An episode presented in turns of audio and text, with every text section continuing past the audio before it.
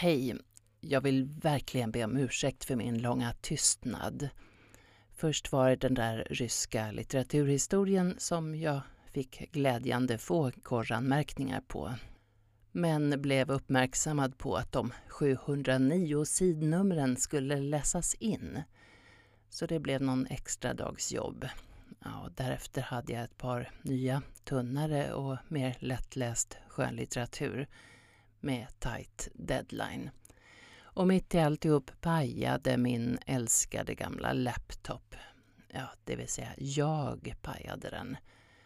Det började med att jag vattnade mina tre små växter i fönstret nere i mitt inläsningsrum.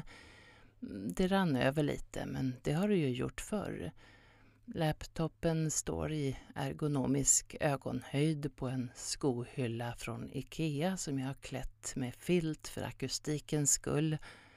Och denna gång tog sig tydligen vatten in i någon springa där bak till. Men jag är lyckligt lottad och hade ytterligare en Macbook som jag fått en gång som tack för hjälpen med städning eller snarare sanering av en lägenhet en Pro istället för en Air.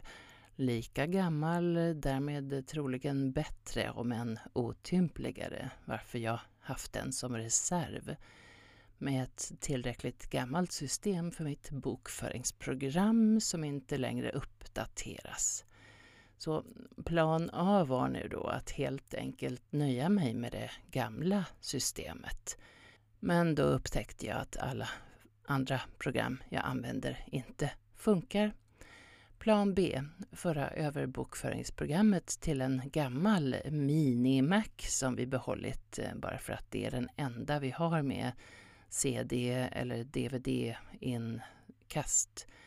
I så fall skulle jag ju kunna uppdatera operativsystemet på Macbooken till ett modernare men för detta behövdes eh, administratörsnamn och lösenord för att kunna flytta över program och vad skulle det vara för jävla lösenord? Efter ett antal timmars slitande av hår upptäckte jag att det ändå inte skulle funka eftersom bokföringsprogrammet, eller om det var flyttprogrammet, kräver Intel-processor istället för en äldre Mac-processor som Minimacen har. Plan C, dela upp laptopen i två partitioner så att det blir som två datorer i en. Där jag kan ha den ena med gamla systemet för bokföringen, den andra med modernare för resten. Jag googlar mig fram till hur detta ska gå till men när jag sen ska installera operativsystemet i den nya tomma datordelen får jag felmeddelande om att det inte finns tillräckligt med utrymme. Så jag måste ändra den delens storlek. Gör så, men det funkar fan inte. Raderar partitionen och gör om, men nu går det inte att välja den som plats för installationen. Raderar ånyo. Vid det här laget har det gått så pass lång tid att jag verkligen behöver skicka ett par fakturor. Men då går det inte att öppna bokföringsprogrammet. Något felmeddelande om att filen är skadad eftersom den stängts eller flyttats på fel sätt. Den version jag kan öppna är från 2019. Fan, ska jag behöva göra om två års bokföring? Jag mejlar företaget som gjort bokföringsprogrammet, ber ödmjukt om hjälp med detta historiska program och får svar nästa dag. Då funkar det. Plan D. Skapa en sån där partition på min backup-hårddisk. Gör så inser att de där långa perioderna då det tycks ha hängt sig och bara står still helt enkelt är tidskrävande operationer som faktiskt pågår. Jag lyckas faktiskt till slut efter ett antal fruktlösa försök. Fan vet varför dessa var fruktlösa och flyttar över hela Macbookens innehåll Man ska kunna välja enstaka program, filer, mappar men denna möjlighet var gråmarkerad. Så istället så fick jag flytta över allt för att därefter slänga allt jag inte behövdes. Det vill säga allt det som gick att slänga eftersom vissa program tydligen måste finnas kvar eftersom de hör till systemet. Tillbaka till Macbooken för att uppgradera till ett modernare system.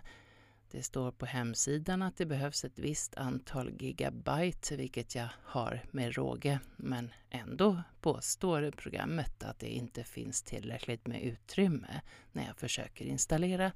Jag slänger, rensar, flyttar över utrymmeskrävande mappar till Dropbox och backup hårddisk. Till slut går det. Då plötsligt finns det gott om plats för att flytta tillbaka de bortrensade mapparna. Jag har naturligtvis under tiden fått rådet att skaffa ett nytt bokföringsprogram. När jag invänder att det ju är dyrt och att jag gillar det jag har så får jag det i och för sig korrekta men väldigt irriterande svaret att det nog inte kostar lika mycket som den tid jag nu lägger ner på att försöka komma runt alla mina IT-relaterade problem. Nej, jag vet. Men ju längre tid man lagt ner, desto mer pengar har man alltså redan spenderat. Och desto mer irriterande är det ju att ge upp. Man ger sig fan helt enkelt och avgår med segern. Under de dryga två veckor detta gråhårsgenererande slit pågått så har jag emellanåt stoppat i laddningssladden i min döda Macbook Air bara för att se. Och så plötsligt en kväll så tänds laddningslampan. Efter ytterligare en stund går datorn igång med sitt välbekanta dissonanta ackord när jag trycker på on-knappen. Fanns jävlar, har jag gjort allt detta i onödan? Ja, dock flimrar skärmen och slocknar efter några minuter. Någon föreslår att jag kan koppla den till en extern skärm, men det skulle ju försämra bärbarheten en aning. Ja, ja, eh, jag vet inte. Kanske kommer den funka bättre efter ytterligare en tids torka. Hur som helst, sänds moralen i denna långa fabel om datorer och IT är e att detta inte alls är någon entydigt fungerande vetenskap styrt av ett binärt system av ettor och nollor.